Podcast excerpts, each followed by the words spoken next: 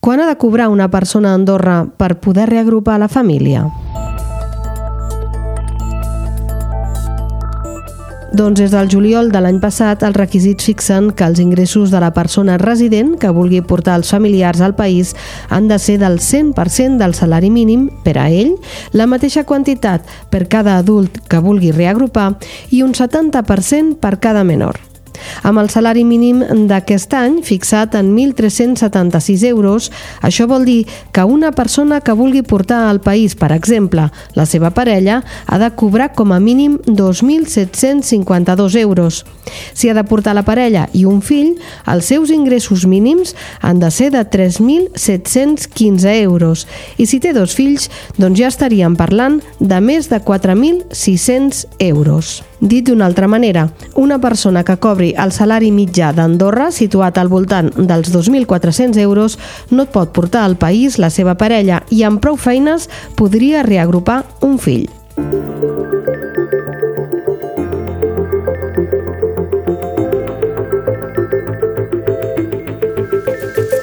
Hola, sóc Esther Pons, això és l'Altaveu a fons i aquesta setmana, com ja ha quedat clar, parlem del reagrupament familiar. Comencem pel principi. Què vol dir reagrupament familiar? Arran dels canvis en els requisits el juliol de l'any passat, el ministre portaveu, Guillem Casal, ho explicava així en roda de premsa. El reagrupament familiar només s'aplica a un casos determinats per part de la llei d'immigració. Per tant, els que estan subjectes a la quota de temporada, els temporers, coneguts com a temporers, no han tingut mai accés al reagrupament familiar. I tampoc en tindran ara. Per tant, aquí no hi ha cap canvi.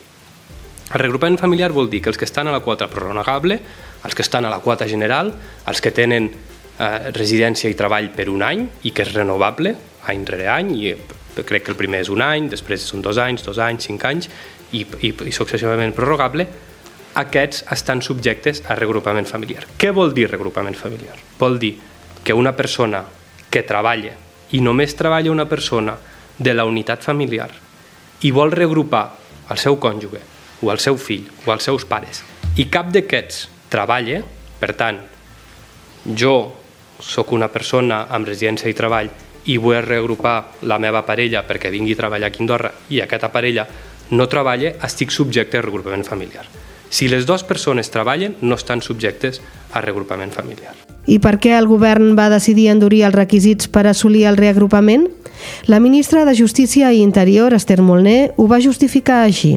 Bàsicament, el que, lo que s'ha fet és pensar en sentit comú d'adaptar una miqueta la, la, la regulació dels reagrupaments al, al cost de la vida, no? que, que el, el cost de la vida, com se sap, ha anat augmentant en els darrers temps, només cal veure l'IPC que s'ha publicat aquest any, i és en aquest sentit que pensem que, eh, lògicament, quan una persona reagrupe la seva família al país, doncs ha de tenir suficientment revinguts perquè puguin, puguin viure en, en bones condicions, i és en aquest sentit doncs, que, que avui hem fet aquesta modificació del reglament. Quan obrim les quotes, i ara ho estem fent perquè hi ha una necessitat de, de, de mà d'obra molt important, doncs després hi pugui haver, doncs, com vostè diu, no? un rebot doncs, d'augment de, de la població per efecte dels mecanismes de reagrupament o dels mecanismes que siguin. Llavors, hem de ser molt cautelosos perquè el nostre país és petit, té una, una capacitat d'absorció limitada i és per això doncs, que s'han d'anar a ficar mecanismes en aquest sentit doncs, doncs perquè després no ens trobem amb, amb situacions de precarietat o, o, o desequilibris eh, a dins de, de les nostres estructures de, de l'Estat. No?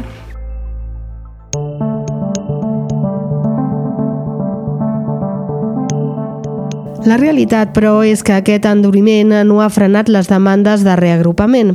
Si fins al 14 de juny del 2023, abans de la modificació, s'havien tramitat 487 sol·licituds, fins al desembre la xifra va arribar a les 1.212 sol·licituds, de les quals se'n van aprovar 1.189.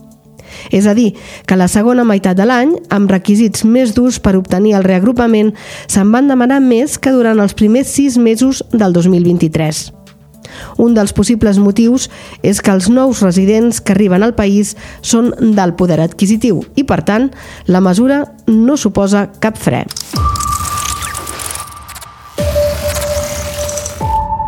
D'això en parlarem després, perquè primer coneixerem el cas molt particular de la Julissa.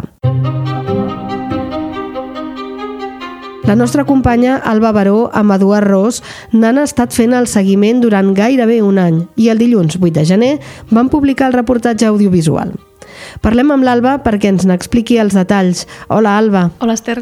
Fuimos a inmigración a la semana de haber llegado, más o menos como el 20 de diciembre. Y la señora que nos atendió dijo, tienes todo en regla, eres el padre de los niños. Pero tu salario no da, los puntos de la casa no da no la puedes agrupar. Tú ganas sueldo mínimo, que es 1.200, y tienes que ganar más de 2.200. Tú tienes que cotizar durante tres meses el mínimo de 2.200 euros. No, no lo ganas. Porque yo vine a este país con la idea de hacer el agrupamiento familiar. Mis hijas y yo quedamos a la deriva porque el que tenía que hacerse responsable no, no, lo hizo, por cuestiones por lo que pedía el gobierno precisamente. Quería hacer agrupación familiar, le exigían ciertos requisitos que no cumplió. Y, pero gracias a Dios, gracias a Los Ángeles, mira, el gobierno dijo no, a estas personas hay que ayudarlas y de verdad que nos han ayudado mucho.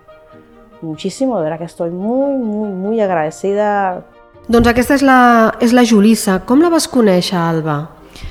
Doncs al gener d'ara fa un any eh, estàvem preparant un reportatge sobre famílies monomarentals i estàvem buscant testimonis per, per aquell tema.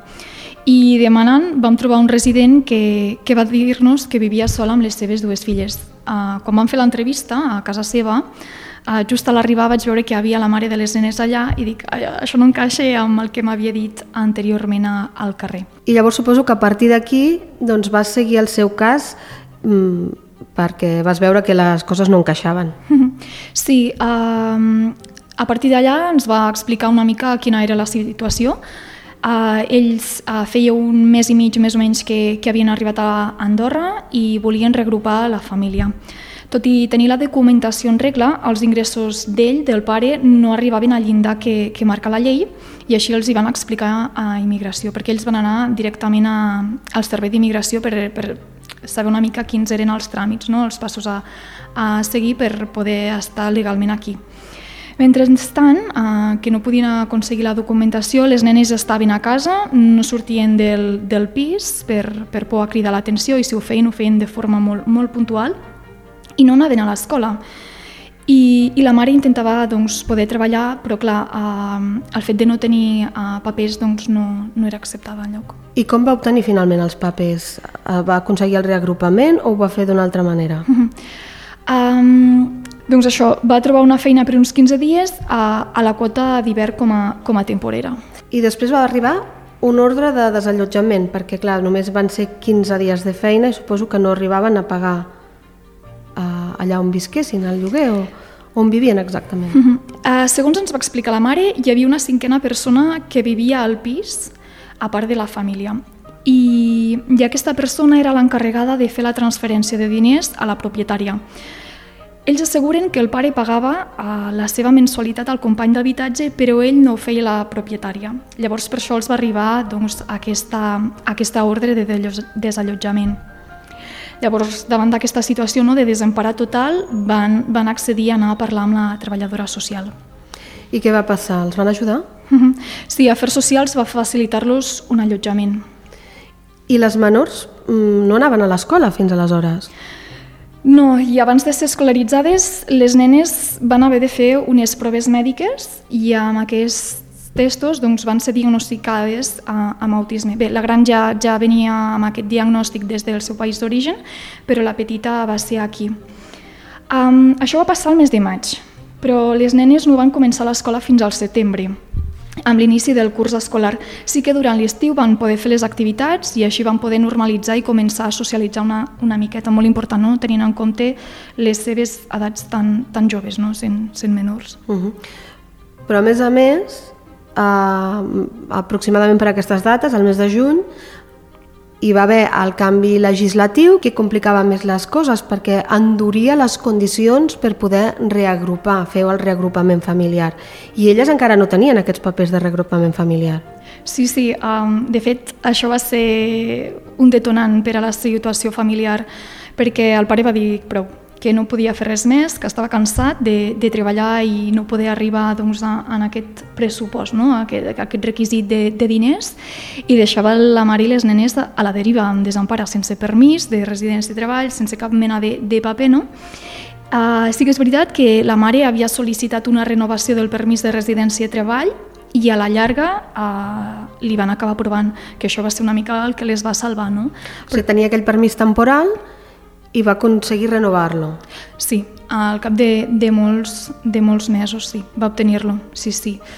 I amb tot això, doncs, bueno, va poder aconseguir el permís de, de residència de treball i ha pogut començar a treballar, que era una mica la seva principal um, bueno, el seu principal neguit i, i ganes, perquè de ganes de treballar sempre, sempre bueno, almenys el que m'havia expressat ella és que tenia moltes ganes de treballar i normalitzar la seva situació. Aquí sobta una cosa i és que quan es va aprovar aquest canvi eh, de condicions per fer el reagrupament i que hem escoltat abans també a la roda de premsa que es va fer al, al mes de juny, es deia que es, es volia doncs, garantir que la gent que vingués aquí tingués unes bones condicions de vida i a més a més doncs, també es parlava de, de que el, els recursos del govern eren limitats i que, clar, no es podien fer càrrec de, de les despeses d'ajudar a gent que no pogués arribar a final de mes. Però al final veiem que mm, sigui legalment o sigui il·legalment, com que no es pot deixar desemparat a ningú i menys a menors, Afers Socials acaba intervenint, com és en, el, en aquest cas, que ha tingut un paper fonamental. En canvi, en el reportatge no apareix ningú d'afers socials. Bé, hem parlat amb, amb govern, però només ens han facilitat informació sense voler fer declaracions a càmera, tot i ser format audiovisual. I l'administració ens explica que, que els hi han ofert l'ajuda, d'acord amb el que comentes una mica tu, dels requisits de, dels ser menors que s'han de, de protegir, d'acord com diu la, la llei 6 barra 2024 i segons el que dicta és que els menors d'edat han d'accedir en condicions d'igualtat al sistema de serveis socials i sociosanitaris encara que no acreditin la residència legal en el moment de la sol·licitud. És a dir, que el que dèiem abans, que encara que no es faci el reagrupament, perquè no s'arribi al llindar, si una família ve a treballar a Andorra no pot reagrupar els fills però els porta, igualment l'Estat se n'ha de fer càrrec. Sí, sí, completament. Uh -huh. Perquè la norma ha acabat beneficiant a les nenes i empara la mare com a tutora de, legal d'elles. No? I dic en part perquè ha pogut tenir un allotjament la mare, però, però sense pensió alimentària, a diferència de les nenes que sí que les han, diguem que l'Estat els hi ha facilitat que poguessin, bueno, garantit més ben dit, no? que poguessin menjar. És a dir, que, la, que reben ajudes eh, més enllà de l'escolarització. Uh mhm. -huh. Es pot dir que la seva situació s'ha normalitzat ara mateix? La seva situació ha millorat uh, sense cap mena de dubte, uh, però encara queden qüestions per resoldre, perquè la mare ja treballa, però encara és afers socials qui es fa càrrec dels costos de, de l'allotjament, com també de l'alimentació de les nenes.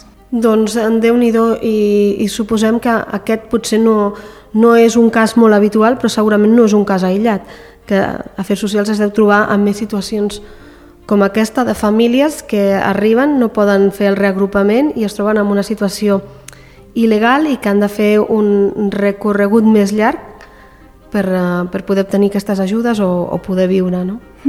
Sí, sí.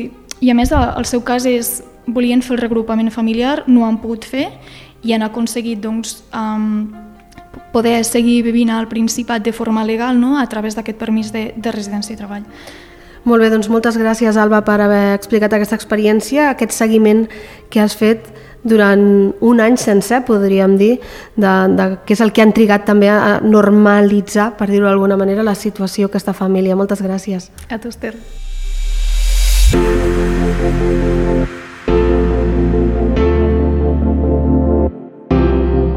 Escoltàvem abans que des del govern es recordava que els recursos són limitats i que precisament s'endurien els requisits de reagrupament per evitar casos com el que hem escoltat. La qüestió és que amb o sense aquest enduriment, si una persona arriba amb fills, els pugui reagrupar o no, l'Estat haurà d'acabar responent. El canvi del reglament en el seu moment va fer que tant el grup parlamentari de Concòrdia com el socialdemòcrata demanessin explicacions. Pere Baró, president del grup socialdemòcrata, exposa els seus arguments en contra i explica, en certa manera, el que ha acabat passant en el cas de la Julissa. Després hi ha un problema social, és a dir, la gent que vingui i tingui família farà el possible per venir amb la família, és a dir, ja sigui de forma legal o sigui de forma il·legal. Al final, la gent vindrà i pues, vindrà amb la família, vindrà amb la canalla, per exemple, una canalla doncs, que no podrà anar al metge perquè no està aquí legalment, no podrà ser escolaritzada i això provoca problemes per la canalla eh, present i també a futur. I això no ho diem nosaltres, sinó que tu parles amb, amb assistents socials o parles gent que es dediquen al món social i t'ho diuen, Pere, aquesta gent ve, però ve amb condicions il·legals i ve amb condicions doncs, que no són, no, no són socialment acceptades perquè tindran, tindran carències. És a dir, per, per, per acabar arribant allà on tota la canalla d'arribar, que és poden al col·le, poden al metge, has de fer un circuit molt més ampli, mobilitzant molta més gent de l'administració pública, gastant més diners de l'administració pública, perquè al final la llei que tu has fet d'enduriment no serveixi ja que ells vindran igual amb la seva família de forma il·legal, però tu gastaràs més diners perquè estàs utilitzant a l'administració per poder solucionar un tema que tu mateix has posat, no? És a dir, és, és tot un, una mica un, un contrasentit. Eh, jo, jo espero que se n'adonin de que no és la solució. A mi la ministra em va dir que, que seria de forma temporal, doncs espero que, que se n'adonin de que no, de que no dèiem les coses doncs, per dir, sinó que era un problema i que realment hem de tornar, hem de tornar on estàvem. Tanmateix, Baró creu que tot plegat respon a un canvi de model de país. Per mi jo crec que és un canvi de paradigma, és a dir, al final ara mateix Demòcrates per Andorra el que vol amb les seves polítiques és que la gent que vingui, vingui a treballar eh, i marxi en cert temps i que, torni una, que vingui una altra persona a treballar i que torni a marxar. És a dir, Andorra no vol, Demòcrates per Andorra no vol eh, que la gent pugui fer la seva vida en aquest país i això provoca altres problemes. Provoca problemes de natalitat. És a dir, tenim ara mateix un problema amb la qual eh, les famílies no, no tenen fills o bé no, no tenim els fills suficients. Això també ho provoca aquest tipus de polítiques restrictives. Un, perquè les famílies que tenen fills no et vindran. Dos, perquè els joves del, del país o els joves que volen venir a fer la seva vida no la faran doncs, perquè els, els hi posarà molt difícil. Doncs jo crec que, que, tot, que tot és un cercle viciós que fa doncs, que el que busquen és que els que estem aquí els que estem aquí però que tenen un al poder adquisitiu ens es puguin quedar i els altres doncs, que vinguin a treballar un cert temps i tornin, i tornin a marxar. I això és un model de societat amb la qual, desgraciadament, sembla que ens aprovem cada vegada més. Des de Concòrdia també els preocupa la política immigratòria de govern. Estan d'acord en que cal establir uns límits demogràfics, però consideren que el que s'està fent és un contrasentit. Així ho explica la consellera general Núria Segués. Clar, aquest és el, això és la paradoxa màxima, no? de dir, veiem que el govern està autoritzant i eh, força permisos als nòmades digitals i als residents passius, hi ha una quota que s'estableix anualment, però la van reobrint. O sigui, normalment un cop s'agota la quota, fins a l'any vinent no es torna a reobrir, però el que estem veient és que amb, amb algun tipus d'autoritzacions es va actualitzant aquesta quota de tal manera que estan creixent molt aquest tipus de permisos. Però per altra banda, com deies Esther, doncs ens trobem que amb els permisos o amb les autoritzacions de reagrupament clar, el, el, el criteri no és el mateix i justament aquestes persones que demanen el reagrupament, que són treballadors immigrants, que sobretot els trobem al sector de les activitats del comerç, turisme, hostaleria, al sector de l'esquí ara a l'hivern, tenen un poder adquisitiu molt més modest. I clar, aquí veiem aquesta diferència doncs, que mm, llavors plantegem-nos si volem restringir potser les hores veient eh, les dinàmiques migratòries que estem adoptant, potser ens hem de plantejar quin, quin model social volem per Andorra. I penso que és una llàstima perquè el model que fins ara hem tingut ha funcionat molt bé.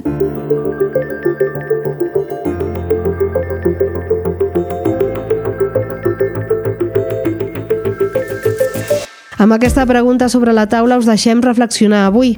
Això ha estat l'Altaveu a fons. Aquest episodi l'ha realitzat qui us parla, Esther Pons, amb la col·laboració d'Alba Baró. Espero que us hagi agradat. La setmana vinent tornem amb més històries.